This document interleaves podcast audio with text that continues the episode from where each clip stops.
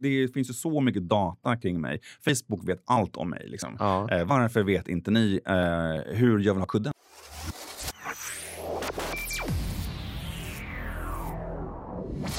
Varmt välkomna till Life at Sign. Podden som tar dig med bakom kulisserna på Sveriges största designhotell. Där vi träffar intressanta och inspirerande människor som berättar om sin relation till att bo på hotell och att resa. De delar sina hotellhack och spännande möten i långa korridorer och mellan kokande grytor. Jag heter Henrik Berghult och arbetar som hotelldirektör här på hotellet. Och idag ska vi träffa en av världens mest uppmärksammade trendanalytiker. Han är en av de mest välkända i Sverige och syns flitigt i radio, tv och magasin. Konstant sökande efter nya fenomen inom interiör, design, mode, mat och andra saker vi alla drömmer om. Hans blogg lanserades redan 2006 och han har magasinet Rum listad som en av de absolut största svenska influenserna inom designindustrin. Varmt välkommen Stefan Nilsson! Tack snälla, vilken introduktion! Inte dåligt! Verkligen inte. Välkommen hit! Tack snälla. Jag hörde att du kom från sommarstället. Exakt ja, Roslagen. Man Wow. måste börja veckan på ett bra sätt och då tänker jag att det här är väl ett sätt att börja veckan på. Härligt! Mm. Har du haft stället länge? Eh, sju, åtta år och det kanske bästa jag har gjort i vuxen tid. Alltså, det är så enormt skönt att kunna ha ett alternativ till det storstadslivet jag lever. Du berör ju det nu, det här med konstant resande och det är jag verkligen. Och då får man fly ut till grönskan och träffa grannarna, träffa Kurre och Yvonne och liksom så här sparka på bildäcken och klaga på rådjur och mördarsniglar och vad det nu är för någonting. Det är ett helt annat liv och det är helt fantastiskt. Nu blir man ju väldigt nyfiken på hur ser det ut på ditt sommarställe? Är det maxtrendigt eller är det gammalt klassiskt? Och um, det, alltså vi har tagit över en ett sån här klassisk 70-tals sportstuga. Så det finns liksom ingen historia kring det här 70-talshuset. Utan det är en extremt fyrkantig låda Okej. som alla andra har. Eh, men jag älskar det för att det är mitt. Eh, och jag lär mig, jag får utforska, jag försöker förstå trädgården, jag försöker lära mig hur allting funkar. Men, men visst är, Är du det så... trädgårdsintresserad? Mm, det är det. Är. Ja, kul. Eh, jag tycker att eh, vi, vi har ju tagit några så här ställningstaganden som är viktiga för oss med sommarhuset. Till exempel så är ju det här platsen där allt bra ska finnas. Så att vi har ju liksom finporslinet eh, i sommarstugan. Ah. Vi har den fina tekniska utrustningen för köket i sommarstugan. Så att allt det, vi har inte det här, de gamla avlagda grejerna. Det är inte den fula soffan utan det är Ah. den fina soffan. Allt det är där. För det är där man har tid att vara. Där har man tid att njuta. In i stan så bara ärsar man och far som en skottspole överallt. Wow. Mm. Det här med trädgård är intressant. Jag träffade, vi hade lite after work med grannarna här i början på veckan. Mm. Och det var en diskussionsämne, det var gräsmattorna. Mm. Eh, alla går ju all in på gräsmattorna så här års. Man vattnar och man göder och man håller på. Den ena grannen sneglar över på den andra gräsmatta och någon har någon engelsk gräsklippare och någon har någon robotgräsklippare.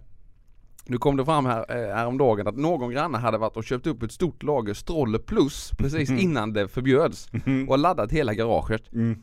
Så nu står han på söndagar och langar Stroller Plus. De andra grannarna är tokiga det här. Men det är spännande det där med trädgårdar och grannar. Så är det. Så är det. Eh, kommer du ihåg när du och jag träffades första gången?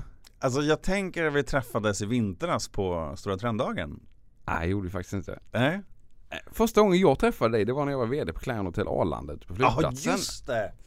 Då hade du just någon galen det. idé om att man Just skulle göra det. en trenddag ute på flygplatsen. Ja, ja, tillsammans med en tjej där. Ja, vi tänkte, alltså det jobbar ju så sjukt mycket folk där ute. De Ja. behöver lite underhållning. Eh, och man så, ja, då, det pratade vi om där ute. Ja, just det.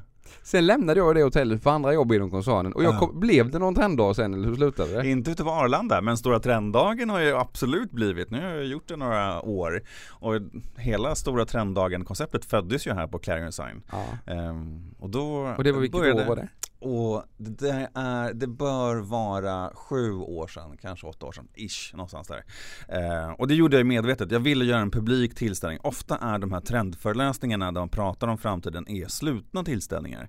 Alltså det är bara Mm. Okej. för en viss bransch och det kostar 5000 kronor att gå in.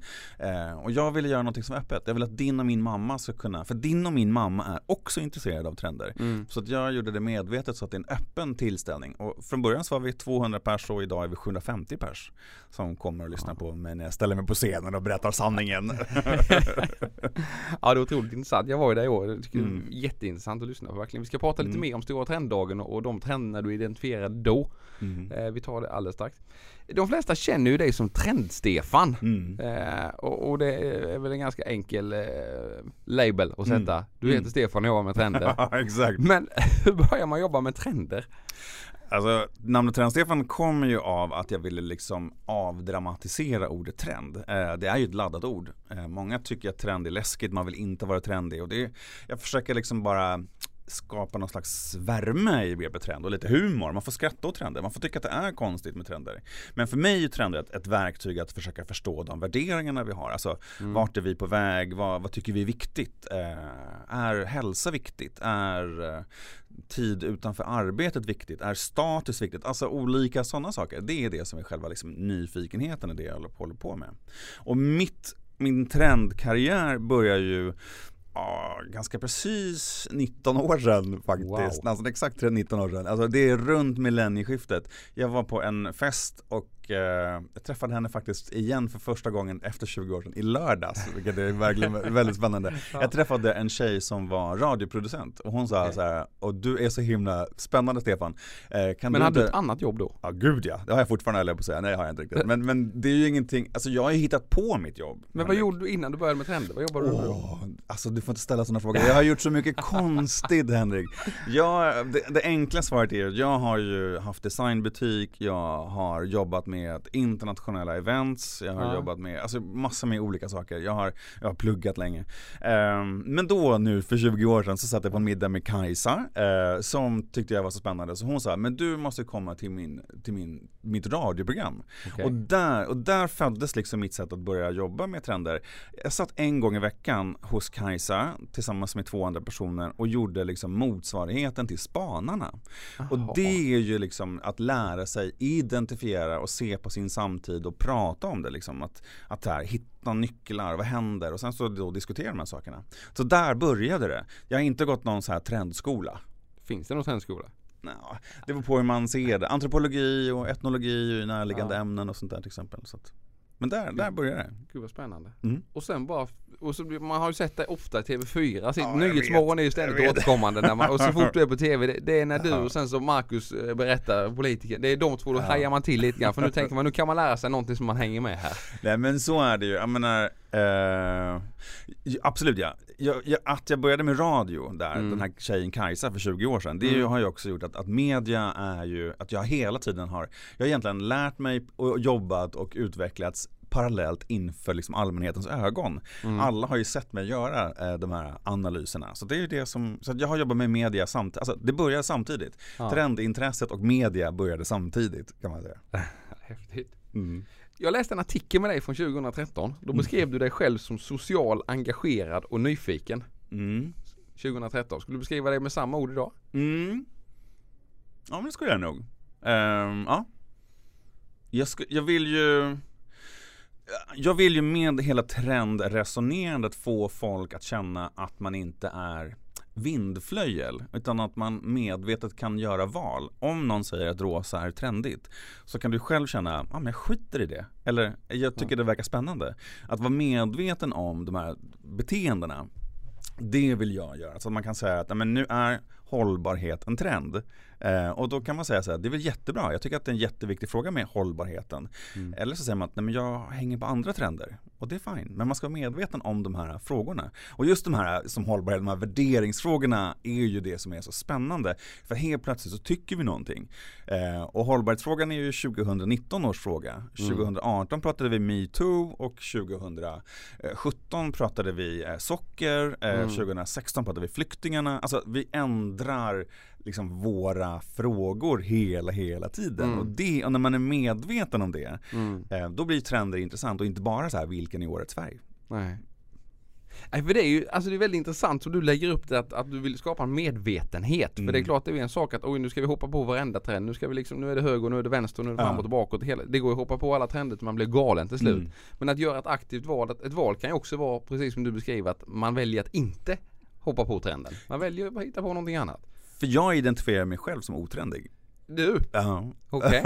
nu såg du lite chockerad ut. Ja, det känns ju lite. Ja. Nej men det handlar ju om andra saker. Alltså jag tycker ju också såklart att trender är så här vindflöjor och det är bara hastigt och sådär. Men, men, men jag, den här skjortan är ju kanske tio år gammal som jag har på mig idag. Alltså, och glasögonen är tre år gamla. Jag förstår vad jag menar liksom. Men nu luras du Mm. lite för att, för att du har den skjortan på dig så tror jag att den är väldigt trendig. Jo men den är trendig för att jag väljer att tycka att den är fin. Och det handlar ju om självförtroende. Men, men andra sådana saker. Det är ju det som är så spännande liksom. Ja, Mm.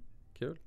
Den artikeln från 2013 som jag hittade om dig. Mm. Där stod det också en sak jag bara måste fråga dig. Åh nej vad jobbigt. Det, var, det känns lite jobbigt att höra de här gamla sakerna. När man lever, ni som lyssnar, när man lever i media, shit vad man säger konstiga saker som man inte står för.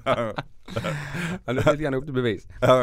Där stod att du har en dold talang. Ja, vad kan det ha varit då? Att du talar arabiska. Ja men det gör jag, det gör jag. Eller jag talar inte arabiska men jag har pluggat arabiska. Och det handlar om min nyfikenhet. Alltså Ja. i mitt liv, i mitt sätt att vara så är jag nyfiken på konstant nya saker. Ja. Och när alla andra läste ryska och kinesiska så kände jag, men vad händer där borta i Mellanöstern? Det är en jättestor region, jättemycket folk som är där.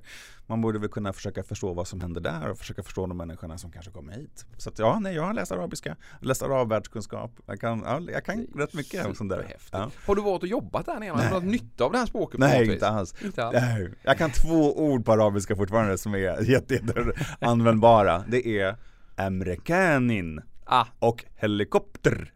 och det kan man Undra vad de betyder.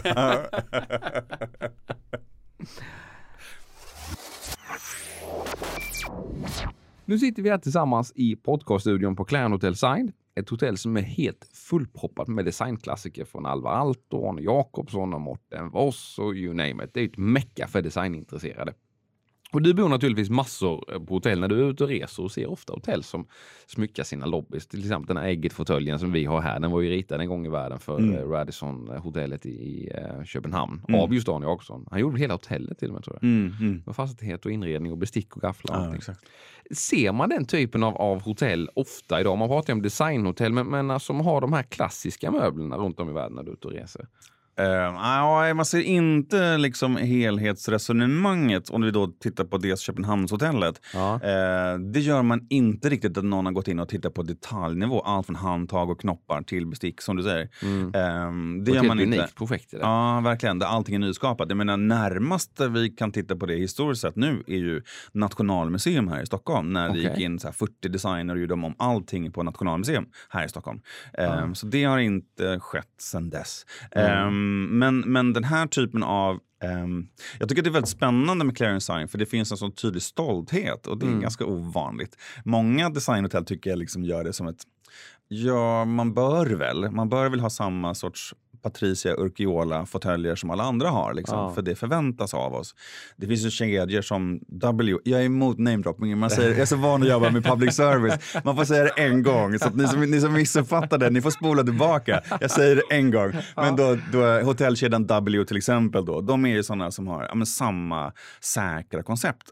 Um, Här är det ju liksom då designhistorien man är stolt över det tycker jag är väldigt spännande. Mm. Sign har egentligen aldrig gjort något stort väsen av att man är just ett designhotell heller, utan det har mer varit en naturlig del av, av hotellets DNA och identitet Mm. som är lite häftigt Mm. på, på många sätt tycker jag. Men många som bor hos oss, de blir lite inspirerade. Man ser man en svanefåtölj eller liksom Mm. står liljan-fåtöljer och ägget och allt Mm. det här. Om man nu känner att oj, oj, oj, den här typen av designklassiker skulle jag vilja ha hemma. Mm. Vad, är- vad är rätt att göra då? Är det Blocket? Ska man liksom köpa, ska man spara pengar till en ny eller ska man köpa en kopia? Eller, eller vad är rätt att göra om man vill ta den här inredningen till sitt hem? Mm. Eh, alltså kopior är ju ingenting som man står för. Det tror jag inte någon tycker är bra. Eh, då är det bättre att man köper en annan sorts stol med, med hög rygg som är inneslutande, som är varm, som man kan snurra i. Mm. Alltså hitta en annan stol som är billigare, för den är sjukt dyr. Alltså, Jag har en Svanen hemma. Ja. En! Och den En. är så dyr. Alltså, den, var så, den köpte jag ny, den var så dyr. Men, men eh, jag kan tycka att man kan eh, Jag tycker att både den fysiska vintage eller second hand-butiken är Mm. bra likväl som då online-butikerna. Alltså, oavsett om det är Tradera eller Blocket eller vad det kan vara för någonting. Eller auktionssajterna, det finns ju där. Så det tycker jag, det tycker jag är bra. För det känns som att det ligger lite åt trendhållet, det här med vintage också. Det var, det var ett år sedan eller två så var ju årets julklapp var ju, Ja, det var 2018, som det, den återbrukade plagget. just Mm. det, så var det. Nej men det är ju hela liksom, resonemanget om, om vi nu ska närma oss liksom, den samtid vi är i nu. Mm. Ehm, den största frågan som är enormt närvarande i allting jag gör 2019 är ju antikonsumtionen. Mm. Ehm, det går liksom inte att hoppa över den frågan. Alltså, jag, jag, jag, jag är ju en miljödålig, fråga, eller miljödålig kille, vi ska återkomma till miljöfrågan. Men jag reser ju hela tiden. Och jag har verkligen slutat köpa saker. Därför att det finns ingenting som intresserar mig längre. Ehm, och då utifrån då ska man köpa nya möbler hem till sig själv. Man kan lika gärna skita i det. Man kan behålla de möblerna man har. Så länge de sit- funkar att sitta i. Liksom. Eh, eller klä om. Ehm, byt med någon annan. Hela second hand-marknaden. Jag menar, det är sån enorm antikonsumtion där ute. Enorm antikonsumtion. Ehm, så då tycker jag att man kan haka på det och säga ah, men jag skiter i att köpa saker. Det Men då skulle ju ett alternativ vara att sälja sin befintliga soffa på Blocket och sen så ja. köper man en ny design eh, på, på något annat, Lauritz eller någonting, sen klär man om det hemma. Ja, ja. Ja, eller, eller som vi gjorde på 80-talet Henrik, nu är du så pass ung, men när vi på 80-talet, när vi slängde ett skynke över. Ja. Alltså sådana grejer hade vi på 80-talet. Vi hade svampmålade väggar och så slängde man så här ett skynke över. Ja. För de här slitna sofforna som man tyckte var fula. Det gör man inte idag, nu ska allting vara nytt, nytt, nytt. Men det är nu vi ser en värdeförändring här som är så spännande. Mm. Och istället så lägger vi pengarna på sådana saker som det här, vilket är upplevelseindustrin. Ja, det, är, det är bra för oss som jobbar med detta. Ja. Eh, Du reser ju en hel del och, och eh, vad är det som får dig att välja ett specifikt hotell när du är ute? För jag antar att du letar lite grann efter de trendiga hotellen av, av eh, yrkesnatur så att säga. Mm, eh, ja, det gör jag. Eh, jag, satt med en, jag förberedde mig inför det här såklart. Och jag satt med en lista med nya. Jag ska åka till London i sommar och har inte bokat. Och sitter och tittar på nya liksom, här, upplevelser i, Ja. i hotell där. Nej, men det behöver ju vara någonting som sticker ut. Liksom. Och då får det vara, liksom, för mig, eh, för Trend-Stefans räkning, så behöver det vara liksom, ett rakt annorlunda koncept. Liksom. Ehm, det bör det vara. Det ska inte vara mellanmjölk. I mitt jobb så vill många att jag kommer och håller föreläsningar i, i Tranås, eh, i Hamburg eller vad det är. Och då bokar de hotellet mig. Och då bokar de ju på liksom generiska, vanliga, snälla hotell. Ja. Så när jag själv väljer, då behöver det vara någonting ehm, annorlunda. Men hur hittar man de där hotellen? Hur hittar Ja, du de här speciellt trendiga hotellen? Hur ska gemene man hitta dem? När man, Värde och Momondo och Google och allt vad det är. Man Ja. sitter och söker Expedia och var ska jag bo? Vad Men det är- Hur ska det- jag hitta det? Det är ju exakt det så. Det, alltså, det är inte svårt. Jag tror att den frågan är ju liksom inte... Det, det är, ingen, det, det är en icke-fråga. Utan vi hittar ju liksom våra hotell på grund av nätet. Eh, sen om man hittar liksom en lista som är gjord av en människa som är en influencer eller en lista med en människa som, är, som man har förtroende för eller vad det nu är för någonting. Men de här listorna hittar vi. Det, det är inte svårt. De finns där. Så, så väljer vi våra resmål. Och, och en sak som vi vet när vi väljer våra resmål, om vi nu pratar om semester, det är att vi väljer resmål efter mat. Mm. Alltså, vi vill åka dit där det smakar gott. Ja. Så vi väljer inte att åka till något ställe som är kallt, eh, snålt och liksom så här, utan vi åker till ett ställe där det smakar gott. Och just nu kanske våra smakpaletter känner att åh, Spanien, va? tapas, va? eller pinchos, vad härligt. Alltså där, så funkar vårt sätt att, att, att definiera hur, vart vi vill resa, alltså orten. Sen hotellet är, är ju en del av det. Maten är jätteviktig. Nu följer jag din blogg och du vet ju Mm. att du var ju nyligen i Biarritz och sen Ja. var du i San Sebastian i Spanien Exakt. också. Exakt ja. Jag såg någon matbild där också. Exakt ja. ja, verkligen. Jag åt mig runt där. Ja, så är var det. det? Ja, men det var jättebra. Eh, Det var fantastiskt bra. Eh, Några av de här orterna var större än jag hade väntat och ju större desto mer generiskt. Okej. Så jag tyckte bättre om de små orterna. Mm. Eh, Biarritz tyckte jag var fantastiskt. Eh, fint och mm, varmt och härligt och bra stränder och sådär. Medan då Bilbao som är en stor stad, eh, lika stor som Stockholm, blir så här, ah, man känner igen det. Var, var är tunnelbanan och var är, var är Ja. kedjebutikerna? Alltså det finns lite för liksom, mycket likheter med den platsen jag kommer ifrån. Mm. Mm, Men du gjorde en turné, du var på flera Mm. ställen. Va? Ja, jag körde hela Baskien där. Jag körde kusten och sen ner i landet. Och liksom, ja. Hittade du någon riktig hotellpärla? Nej, det gjorde jag inte. Eh, och det, det är okej, liksom. för att det här var fokus på att här var fokus på mat. Eh, ofta när man, när man reser på den här typen av till den här destinationen med hotell som är så spännande Ja. så är det en dyrare prisklass. Mm. Eh, och nu reste jag med vänner och då är vi fyra personer som ska komma överens om en prisnivå som är lagom. Mm. Och då bor vi på tvåstjärniga hotell. Har Ja. Spottade. Nej, det gjorde jag inte. nej, det gjorde jag inte. Men, eh, nej, men alltså, hade, jag val, hade jag åkt själv så hade jag såklart valt en annan prisklass. Jag kan ju också se det som en del av mitt jobb. Ja. Men för de som inte gör det så förstår jag att tvåstjärnigt är helt okej. Mm. Men då lägger vi liksom upplevelsen kanske restauranger eller utanför hotellet. Det är ju så att hotellen man vill stanna kvar på Alltså, och det är också beroende på vilken, hur man identifierar sig som hotell. Är man ett hotell som du bara sover på eller är du ett hotell som man är kvar på? Det är en jätteskillnad. Ja. Och där ser vi ju hela, nu behöver vi snart närma oss den här listan med trender jag har, men, men där ser vi liksom hur hela liksom, de här hotellen vi pratar om är ju hotell man är kvar på.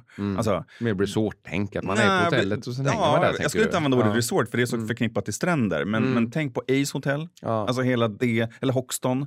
Eh, alla de här nya coola kedjorna som finns där ute. Där det finns mat, det finns bar, det finns eh, butiker. Det finns ju liksom så du ska vara kvar där. Liksom. Och sen ska liksom, eh, det lokala livet komma dit. Eh, så du behöver liksom inte lämna. Så visst är det som en resort, men, men det är ju i en storstad. Det finns ju gott exempel. Du har varit på Destim i Västerås.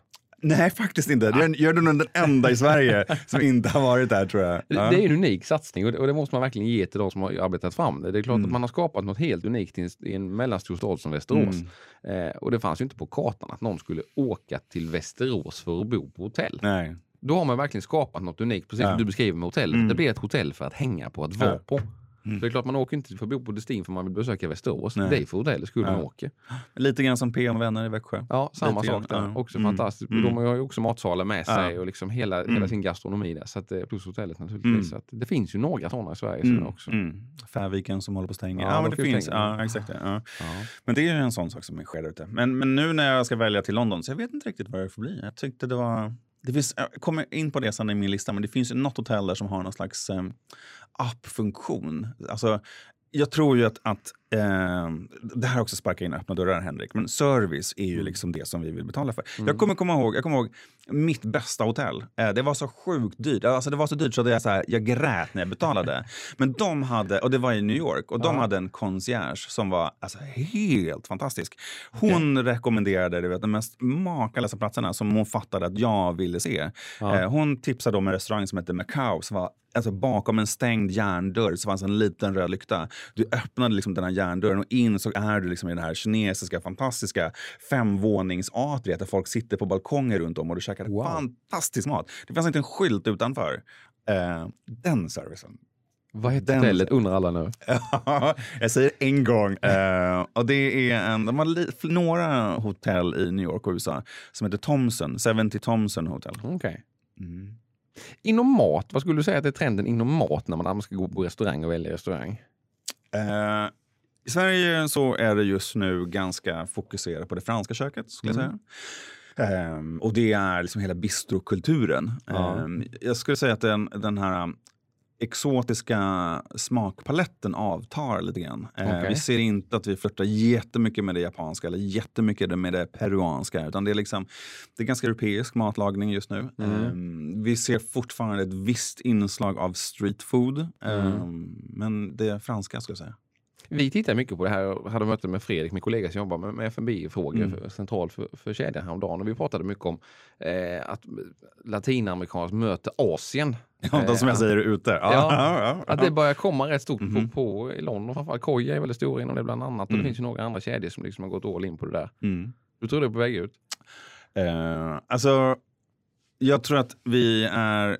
Jag vet att vi lägger ner enorma pengar eh, enorma summor pengar på liksom mat och det kommer Ja. vi fortsätta att göra jättelänge framöver. Det, finns liksom, det är som vår lön. Mm. Eftersom vi inte köper saker längre så kommer vi bara lägga det på upplevelser. Ja. Det är bara det vi kommer göra. Ehm, det italienska är också där. Ja, men jag Ja. pratar om, om ehm, den här uh, trygga europeiska matkulturen. Det ser jag. Eh, där vi pratar, och där ingår också hela hållbarheten eller synsättet på att tillvarata eh, mat i säsong. Alltså det finns ju liksom hus, den, den italienska eller franska husmoderns sätt att laga mat.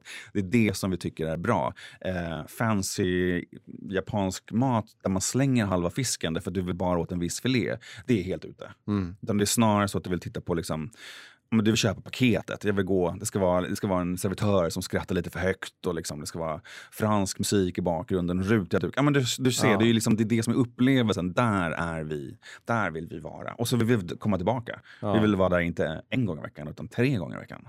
Vi hade Marcus Samuelsson som gäst förra månaden och han berättade just när han var på praktik i Frankrike, Mm. eh, när han var ung. Då, då ska man ju bort, precis som du säger, 80 procent av filén ska man ju bort, Ja. mer eller mindre. Ja. Och, och de dagarna är ju borta helt. Nu, nu tar man Mm. tillvara på så mycket det bara går. Nu är vi jättenyfikna. Listan. Alltså, ja. Vilka hotell ska man bo på? Ja men den, jag, jag har ingen sån lista. Ja den, du menar en sån lista? Eh, Vad är det som trendar inom hotell? Ja, Jag, har, jag förberedde mig med en lista med sex punkter över liksom företeelser som jag ser i hotellvärlden och och också då delvis resevärlden. Men namn på hotell, jag tycker att det här är så... Men om du har, du har liksom punkterna där så hittar vi Mm. själv hotellen tänker jag. Ja, exakt. Ja. Jag tycker att det finns den här name-dropping. Det handlar om hela liksom statusbeteendet. Varför jag är emot name-dropping är ju att liksom status är den personliga upplevelsen. Status är inte att säga att du har en Louis Vuitton-skjorta utan det är så här, jag har en fin skjorta som jag känner mig nöjd i. Alltså, förstår jag menar? Det är liksom det är där förändring går också. Det är ju samma sak med både restauranger och, och hotell. Alltså, nu när jag var då i, i, eh, i Baskien Ja. och var på San Sebastian som, som alla vill åka till för att äta de här tapasarna, pinchos. Alla vill veta exakt vilka restauranger jag varit på. Och jag menar, det är ointressant att veta, alltså för det förändras. För det handlar om personen, det handlar om att den service som Henrik levererar till mig, Ja. den är unik. Och då, det är det viktiga. Mm. Så att, ja, jag är emot namedropping. Upplevelsen är viktiga. Nå, punkt nummer ett i hotelltrender. Det personliga, absolut. Och det låter som att en, en självklarhet. Men de här sättet att göra hotell på 80-90-talet med liksom lådan där allting var likadant, det är helt borta. Utan det ska vara unikt. Eh, jag säger det en gång och så säger vi inte mer. Men det är bara att titta på ett Stockholmshotell som heter Ett Hem. Eh, där allting är utvalt, är unikt. Eh, det är en jätte, jättestor eh, trend. Och här kan man också prata om konkurrensen från Airbnb. Mm. Eh, den måste ni känna av. Eh, kanske inte så mycket just ni då, men, men branschen måste Ja, ju veta att den finns där. Absolut. Och då kan man prata om i då begreppet personligare. Eh, hotell bör liksom närma sig liksom, hur blir det mer avslappnat och personligt i liksom de offentliga rummen. Alltså i korridorerna. Ska Mm. det till exempel vara små kaffestationer i korridorerna istället för att man har kaffeautomat på rummet? Förstår du vad jag menar? Alltså, Mm. Och det handlar om att ska man ha bibliotek på varje våningsplan för att man ska gå dit och liksom låna en bok eller en tidning. Så att, man, att, att det finns ett, en, en, ett drivkraft mot det personliga, det, det ser jag jättemycket. Men nu är jag superintresserad när vi är Mm. inne på det personliga. På det. Nu fastnar vi lite på det, men men den här Ungefär. känner jag är viktig. Va, vad tror du och vad ser du med hotellkedjor? För det är klart att hotellkedjor har ju varit extremt paketerade under alla tider. Sen dess Ja. att Hilton började paketera hotell på, på 40, 50, Mm. 60-talet någon gång Mm. eh, till vad vi är idag. Mm. Eh, till liksom standardiserat och mainstream och du har en hög lägstanivå. Det är samma standard Mm. överallt. Till att man kommer till en fas när man nu håller på att försöka skapa en mer personlig upplevelse även på kedjehotellen. Eh, Kommer kedjehotellen överleva eller kommer det vara personliga hotell? Eller kommer det vara en grupp av hotell som har samma ägare men har unika innehåll? Eller vad tror du? Den, hur ser den framtiden ut? Ehm, just nu så hotellbranschen är eh, en identitetssökande bransch. Eh, man letar efter liksom så här, man är, det är en bransch där man testar nya koncept hela tiden. Du Ja. nämnde en massa kedjor. Eh, och just nu så är det så här, det, det, vi kan skratta åt hur många nya koncept de här kedjorna lanserade. För det är som att man inte tror på någonting längre. Men det är ju en osäkerhet för man vet liksom inte vad som... Alltså, ska, ska vi lägga oss på lågpris eller högpris eller Ja. premium eller är det väldigt personligt eller väldigt generiskt eller är det motionshotell? Man vet liksom inte vad man vill. Så Nej. därför så då skapar man ehm, just nu sub-brands. Eh, och, då, och, då gör man, och sen lägger man ner dem när det inte funkar. Ja. Ehm, så, så, så, så ser hela den här branschen ut. Ehm, men jag tror ju att vi kommer vilja ha jag- är helt säker på att vi kommer resa mer. Ja. Eh, oavsett om vi gör det med flyg, eller med tåg eller om vi cyklar. Men vi kommer resa mer. Detta kommer inte avstå, eller stanna av på något sätt. Och då vill vi ha unika upplevelser när vi kommer dit. Precis som restaurangen. Eh, och sen kommer det förändras. Det Mm. är en av punkterna jag har här är ju hotell som inte hänger med. Det är bland det värsta som finns. Hotell som har omoderna inredningar. Men, men tror du att kedjehotellen har en framtid? Eller tror du, som vi var inne på nyss, att, det kommer, att även om du har hotellkedjor så kommer de fortfarande äga en, en väldigt bred range av, av hotell med unika upplevelser i? Det handlar, om, det handlar om som mycket annat om, om ett mindset, om att, att ställa om. Det är klart det går att göra det på samma sätt som vi kan ha eh, skrivbordsfria kontor, eller vad ska vi kalla dem för? Vet. Aktivitetsbaserat. Ja, eller de här WeWork-resonemanget. Det handlar om ett mindset och det handlar om att kan man låta en hotellchef få driva sitt hotell på sitt sätt. Så då menar jag att om ägarstrukturen är eh, irrelevant, Ja. men att prata om att Clarion Sign ser likadant ut som Hotell Post, det, det är inte samma hotell. Nej. Det är två helt olika hotell. Ja. Och det är ju fine, menar Mm. jag. Ja, under förutsättning att man driver dem Ja. De, förutsättningar som finns. Just det. Eh, och sen så får man ju prata om, om den storskaliga fördelen, har man samma bokningssystem? Jag vet allt sånt där, det vet du bättre än vad jag vet. Men, det är mer back of house, det är det Exakt, gästen ja. inte ser. Nej, exakt, exakt. Ehm, det var Punkt punkt nummer ett. Nej, jag är inte klar med ettan. Du är inte klar med ettan? Wow! det finns så mycket att säga, Henrik. Eh, jo, eh, bara på det personliga. När kommer tvn försvinna, Henrik? Jag tror att TV, tvn och telefonen eh, är borta inom fem år. Ja, tio sa jag i bilen i morse. Ja, jag tror inom fem år. Ja. Eh, Sen tror jag det finns ett visst behov att ha en skärm ändå, att du kan streama ditt eget material på Mm, något vis. mm. För du kanske inte riktigt är nöjd med att ligga och kolla på telefonen eller Mm. iPaden i alla Mm. lägen. Men, men telefonen är det första som ryker och tvn är nog det andra, skulle jag gissa på. Ja, verkligen. Jag, jag har inte kollat på tv de senaste tre åren på mina hotellrum som jag har varit på. Och jag sover borta två nätter i veckan. Ja. Alltså, jag har min, bär- min bärbara dator som jag kollar Ja. på mina filmer som jag kollar på. Eh, men på tal om personligare. Ja. Det här är också någonting svårt. Och det, är ju liksom, och det här är en jätteutmaning för oss svenskar. Och det är att få personalen att ta initiativ. Ja. Alltså hur, det här gäller också retail. Det här Mm. handlar inte bara om, om, om hotell, utan, utan att hur får vi liksom våra kollegor att ta egna initiativ? Och där finns ett nytt koncept som jag läste om i morse nu, som är på Mauritius, där liksom personal uppmuntras att ta gästerna med sig hem. Alltså inte då för att Ja. umgås med på det Nej. sättet, utan för att ta med på fest eller ta med dem ut. Eller liksom Okej. så här. Alltså det finns en kultur. Ja. Nej, jag tror att det inte är jätte, jättesmart. Men det är bara intressant att man testar liksom hur man får uppmärksamhet, hur skapar man en unik upplevelse. Ja, men låta gästerna uppleva det liksom osminkade. Exakt Mauritius på det. Kom till Mauritius, här kan du få liksom komma på bröllopsfest. Ja. Eller vad det är för någonting. Häftigt. Punkt nummer två eh, när det gäller trend och hotell är ju såklart mat. Vi har varit inne på det. Det är, det kommer, det, det, det, det är så vi väljer destinationer Ja. och det kommer bli så vi väljer hotell också. Alltså, Ja. Finns det bra mat? Ehm, och då är det bara att ha koll på vilka mattrender som gäller. Just nu är det till exempel, vi pratar om då min, min åsikt om det här med det franska och italienska, men en sak som händer är ju att, att laga mat över öppen eld. Ja. Jättetrendigt. Kolgrilla. Eh, ja, och då är det så här, ja men då måste man ha det.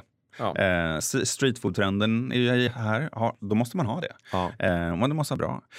Ehm, jag vet också, förutom då den här med öppen en eld så är det också då att ha koll på liksom vilka restauranger som... Det är också det här med kompetensen i personalen. Du Ja. måste ha koll på vilka restauranger som gäller. Mm. Jag läste en artikel om en av era konkurrenter i Stockholm eh, där den conciergen sitter och läser Facebook varje dag för att ha koll på vilka events som sker. Ja.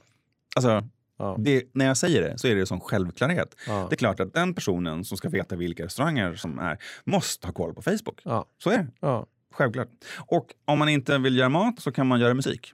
Eller poddar, Henrik. Poddar. Mm, verkligen trendigt. Ja. Mat, musik, poddar. Eh, punkt nummer tre. Ja. Eh, hållbarheten. Det här är inte någon prioriterad ordning utan det här är mina anteckningar. Ja. Bara så du. Men hållbarhetsfrågan. Ja, eh, vi, när man tittar på hotell så förväntar man sig att det finns någon slags agenda. Alltså, vi gör det här för miljön. Det är någon form av skallkrav. Det är en Ja, bas. Det är inte ja. något vi vinner en extra bokning på, men det är, du ska bara ha det. Du, Det är exakt, förväntan från gästen. Verkligen, eh, så är det. Eh, och, då, och då finns ju såklart, man kan prata om, om och där sker det ganska mycket inom ett, em, turismen, charter. Ja. Att man förväntar sig att liksom, anläggningen man kommer till har liksom, koll på liksom, food waste, alltså matavfall, matsvinnet där. Det är jätteviktigt. Eh, man behöver, nu så diskuteras jättemycket om städandet. Mm. Eh, era konkurrenter nu har ju börjat med att man ska hänga ut en lapp på dörren för att få sitt rum städat. Annars, app, app, app. Den där idén, Ja. den föddes här på Clarion Design. ja. Ja, det var nämligen så att vi hade ett, ett talangprogram mm. där det gick en, en kvinna som heter Jenny Bark.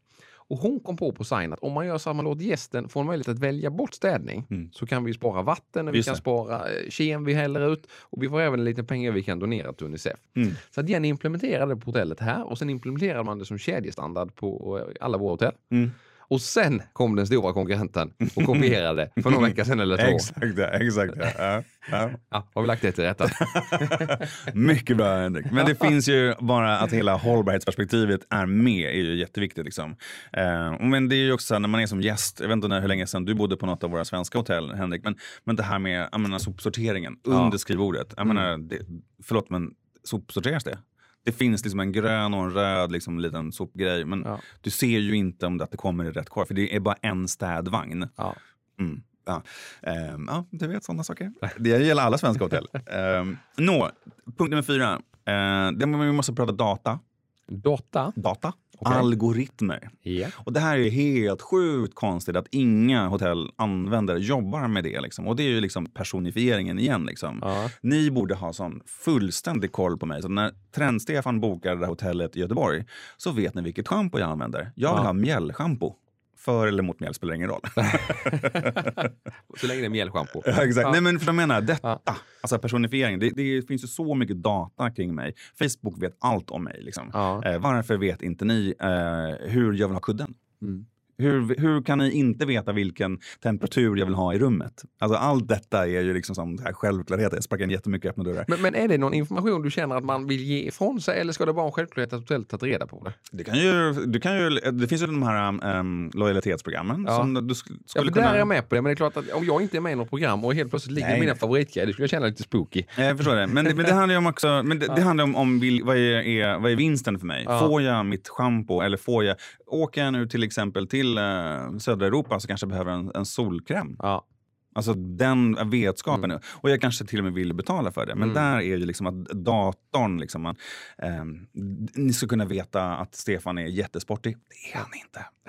och därför så ska han få en tips på en så springrunda när han kommer in. Ja. Eller, eller allt detta. Personifieringen, personifieringen, Ja. personifieringen. Det är jätte, jättetydligt. Ja. Ja. Är du med? Jag med. Punkt nummer fem. Eh, det finns ett ord nu som eh, är jättetrendigt och som är lite svåruttalat. Så håll i hatten. Okej. Participatoriskt. Participatoriskt. Och det betyder att jag är delaktig, jag är meddelaktig. Och det är också hela den här upplevelseindustrin. Så istället för att ha varit en passiv konsument, jag köper maten av dig, eller köper hotellrummet av dig, jag köper tjänsten av dig, Ja. så är jag delaktig i detta. Så till exempel, varför ska jag inte kunna gå in i frukostmatsalen och steka mina egna ägg? Okej.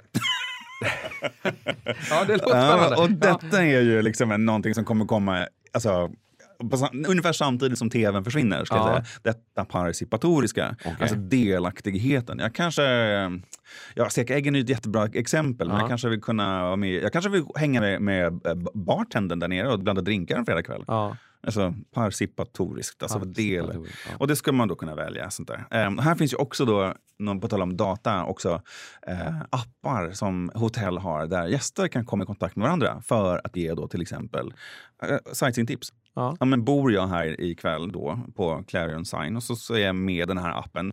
Eh, och så kan jag säga till eh, Henrik, du borde gå och se den här nya utställningen på Kulturhuset som är stängt, jag vet, men bara som ett exempel. Ja. Du borde gå och se den här utställningen för det, den är jätte, jättebra. Ja. Det är participatoriska. Då är det inte bara liksom receptionen som ger liksom, alla med och tips. in tips och idéer och delar med sig. Till exempel. Ja. Sista punkten. Är du med? Nu är jag med. Millennials. Millennials. Ja, det är den nya generationen. Och egentligen spelar det ingen roll vad vi kallar dem för, men de är sjukt konstiga. Det är de, det är de nya. Du och jag är dinosaurier. Det är de som inte behöver tv, telefon. Nej, och har De ska ångest. vara participatoriska. Ja, och har ångest. Ångest. Och det vi ska bara vara medvetna om att de är så sjukt annorlunda på alla sätt, vilket är en utmaning för oss dinosaurier. Därför att de väljer, för de betyder varumärke ingenting. Du och jag är vana att tänka, vi går till, till butiken och så ska vi köpa en läsk, vi köper Coca-Cola. De skiter fullständigt i det.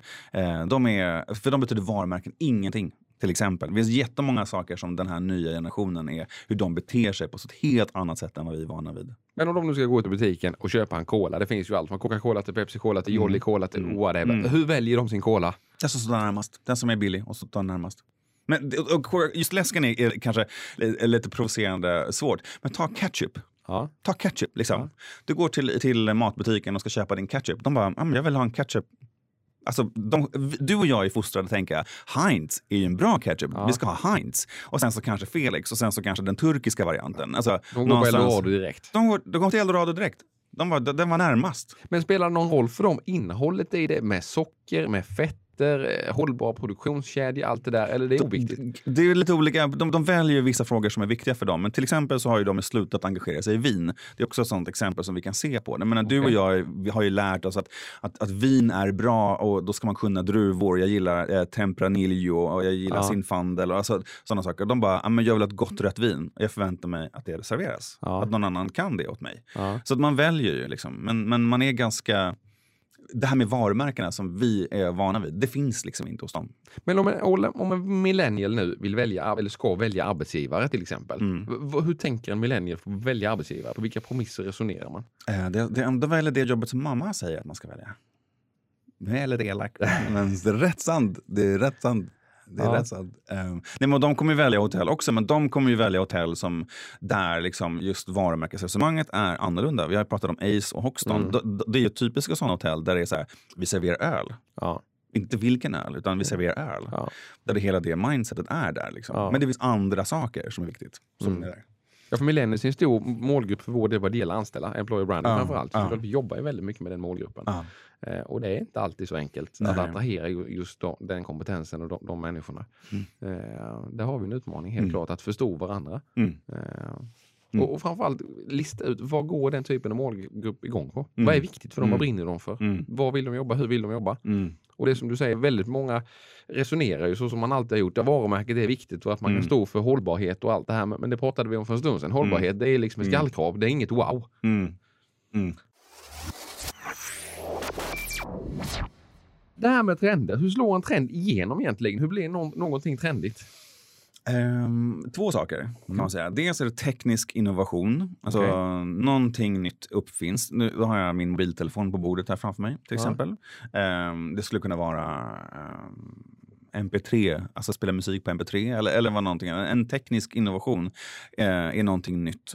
Men- och det är det ena spåret. Okej. Och det andra spåret är att vi helt enkelt bestämmer att någonting är coolt. Och då är det så att Vem bestämmer Ja, exakt. Och det, och det är ju det som är det intressanta. Därför att det, det, det är coola människor som säger att någonting är coolt och då bedömer vi att det är coolt. Och det är ju en helt subjektiv företeelse. Ja. Eh, nej men titta på alla dessa människor. Jag, jag är då jättegammal Henrik. Jag har ju så svårt för alla dessa korta byxor som folk har. Speciellt killar har. Alltså, vad, är det för, vad är det för fel på folk? Varför har de korta byxor?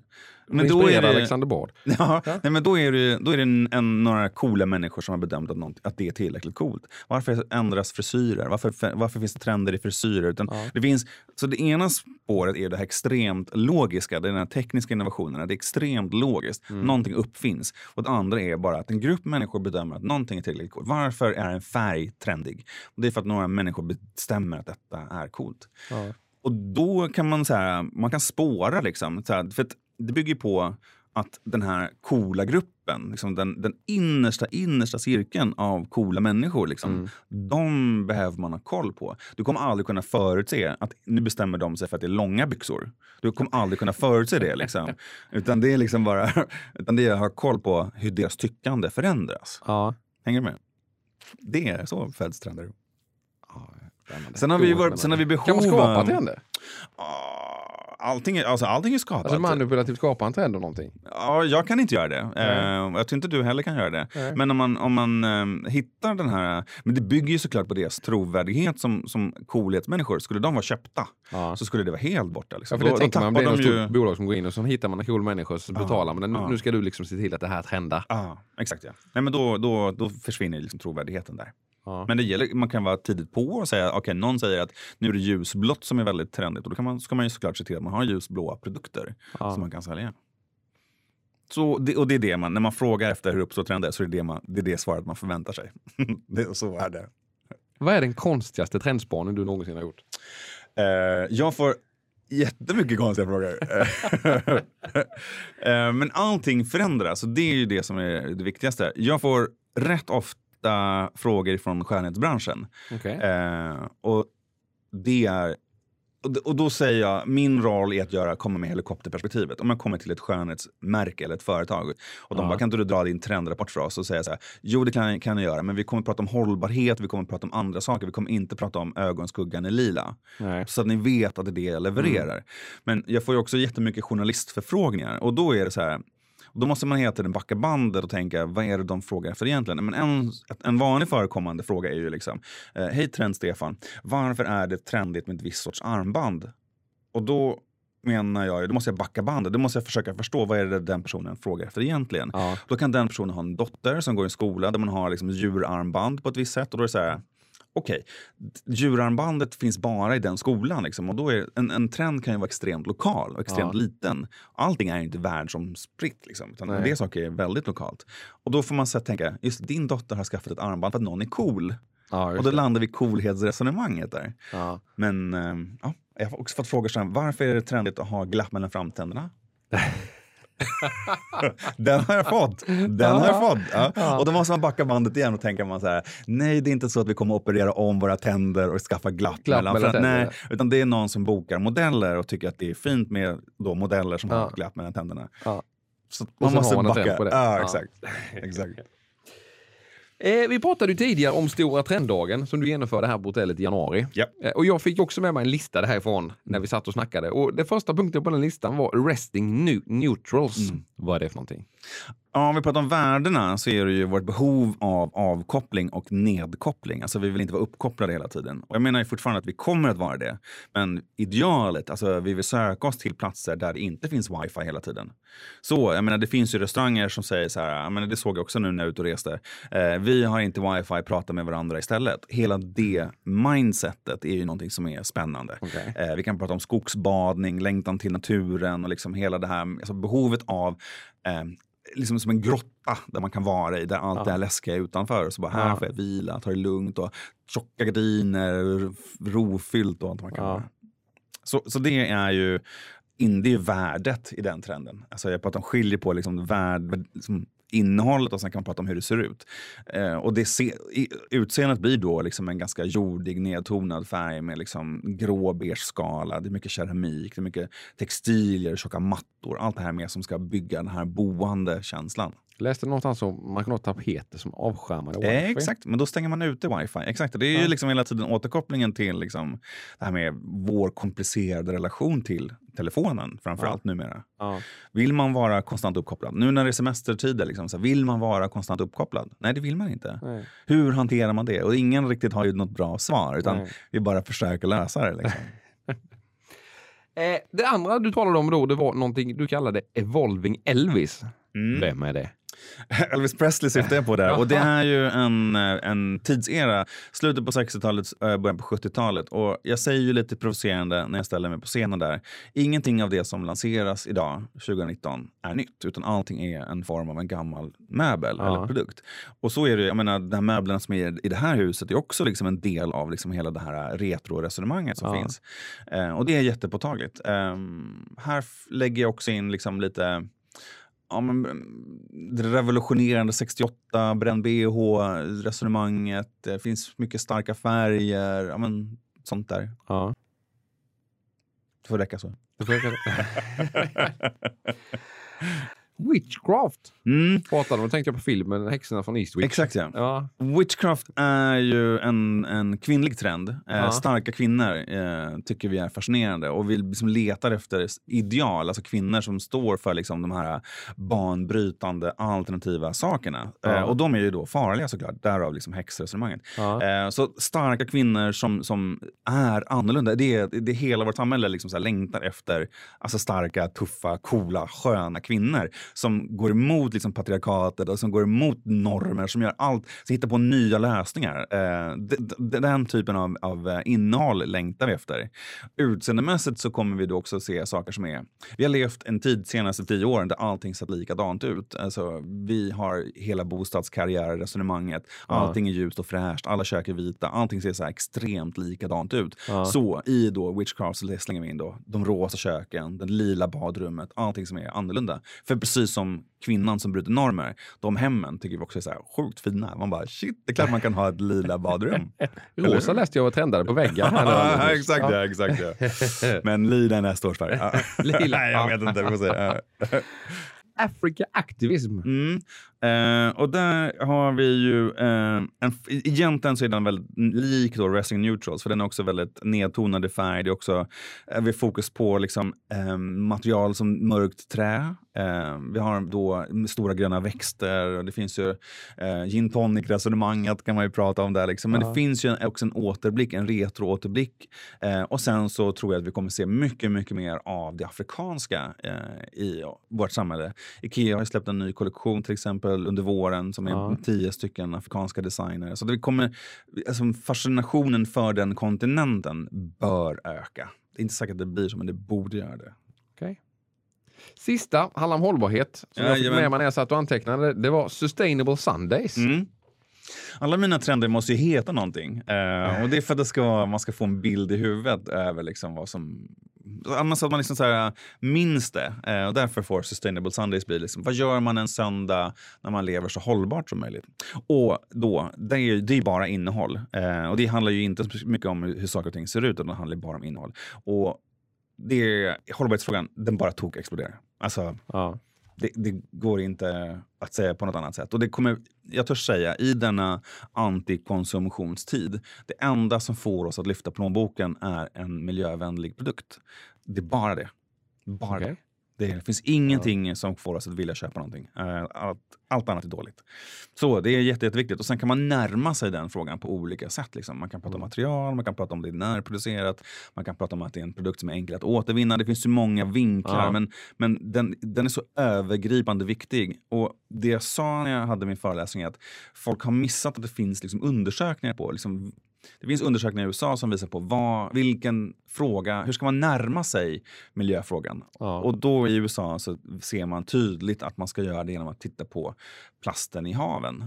Alltså Okej. att återvinna de här plasterna som flyter omkring i haven. Och nu ser vi det. Alltså ett halvår in på det här året så kommer den ena produkten efter den andra gjord av plast ifrån, från haven. Och de kommer sälja skitmycket. Det är väl kläder, jag läser sk- Nike Ja, skor. ja, ja. Jag har sett också Ja. eh, diskmedelsflaskor gjorda i återvunnen plast från haven. Och hela det resonemanget, allting ska vara det. Och då menar jag inte att det, det är liksom det enda rätta, men det är uppenbarligen den mest prioriterade frågan. Och precis som alla andra företag, ska man tjäna pengar så gör det på det sättet. Mm. Och det är bra. Det är toppen. Ja. Alltså, det kan inte bli bättre. Det är win för alla parter. Verkligen. Verkligen. Avslutningsvis har vi några sista frågor som jag tror vi måste få med oss här. Och Ja. det är, vad bara måste man ha i sin heminredning 2019? Vad är det absolut trendigaste? En gardin. En gardin. Ja, det låter lite konstigt. Va? Men, nej, men tittar man på precis alla liksom, de här bilderna där liksom, ögat drar sig till och man tänker Ja. så att det där var fint. Så är det, det är så skönt att visa här i studion så du kan se Henrik. Nej, men det ska vara en vepa, en gardin som går hela vägen från taket ner i golvet. Ja. Inte någon halvmesyr halvvägs, utan det ska vara liksom, från taket ner till golvet. Ja. Eh, tjock gardin som blir då en representation för det här boendet och det textila och varma. Det är jätteviktigt. Annars så tycker jag att man får göra precis som man vill. Ja. Så gardin ska man ta med sig Ja. 2019. Trendigaste resmålet i Europa just nu? Åh, den borde jag vara förberedd på. Eh, du kommer säkert fråga om hotell också. Men eh, trendigaste resmålet. Alltså jag skulle säga att, att Europa generellt sett, eh, därför att jag tror att jättemånga nu vill eh, förhålla sig till tåget. Ja. Eh, och jag tror att man kommer vilja testa tåg som är hanterbart. Så jag skulle säga att det trendigaste resmålet borde vara någonstans i Tyskland faktiskt just nu. Okej. Eh, genom Danmark och sen in i Tyskland. Och det kan vara så att man kan hitta någonting mellan Tyskland eller vid de tyska kuststäderna eller någonting. Så. Ja. Men eh, det borde bli en bra destination. Eh, Tåg känns ju som det flyger i Europa generellt. Så några kompisar Ja. ska ner till sommarställe i Frankrike här nu. De har valt för första gången de ska prova att tåga ner med två små barn. De drar på onsdag. Ja, Jag kan ringa dig och berätta på fredag hur det gick. ja. Alltså, all, grejen är att alla gör det nu. Alla pratar om det och alla, alla kommer ljuga, Henrik. Alla kommer ljuga. Alla kommer, alla, kommer säga, alla kommer säga att det var helt fantastiskt. Alla kommer säga det. det, för att det går inte att komma tillbaka från en semester med, med två barn och ta tåg och säga att det var för jävligt. Liksom. Nej, man måste säga att det var fantastiskt. Sista handlar om hotell och resa. Det handlar om vad är det du packar? De tre viktigaste sakerna och varför. Mm. Eh, jag packar extremt lätt. Gör det? Ja, verkligen. Verkligen lätt. Eh, jag behöver rena underkläder. Eh, och sen så behöver jag tandborste. Och sen behöver jag en bok. Bok, underkläder, tandborste. Ja. Jag kan använda samma skjorta, för det är ingen... Alltså, det finns en, vi, på tal om miljö, vi Ja. tvättar sönder våra kläder. Eh, om jag träffar dig nu med den här skjortan som jag har på mig idag, om jag skulle ha på mig den imorgon så kommer du och jag inte träffas. Så det Nej. gör liksom ingenting. Eh, så länge den inte luktar. Eh, men ehm, nej, underkläder, tandborste och ehm, en bok.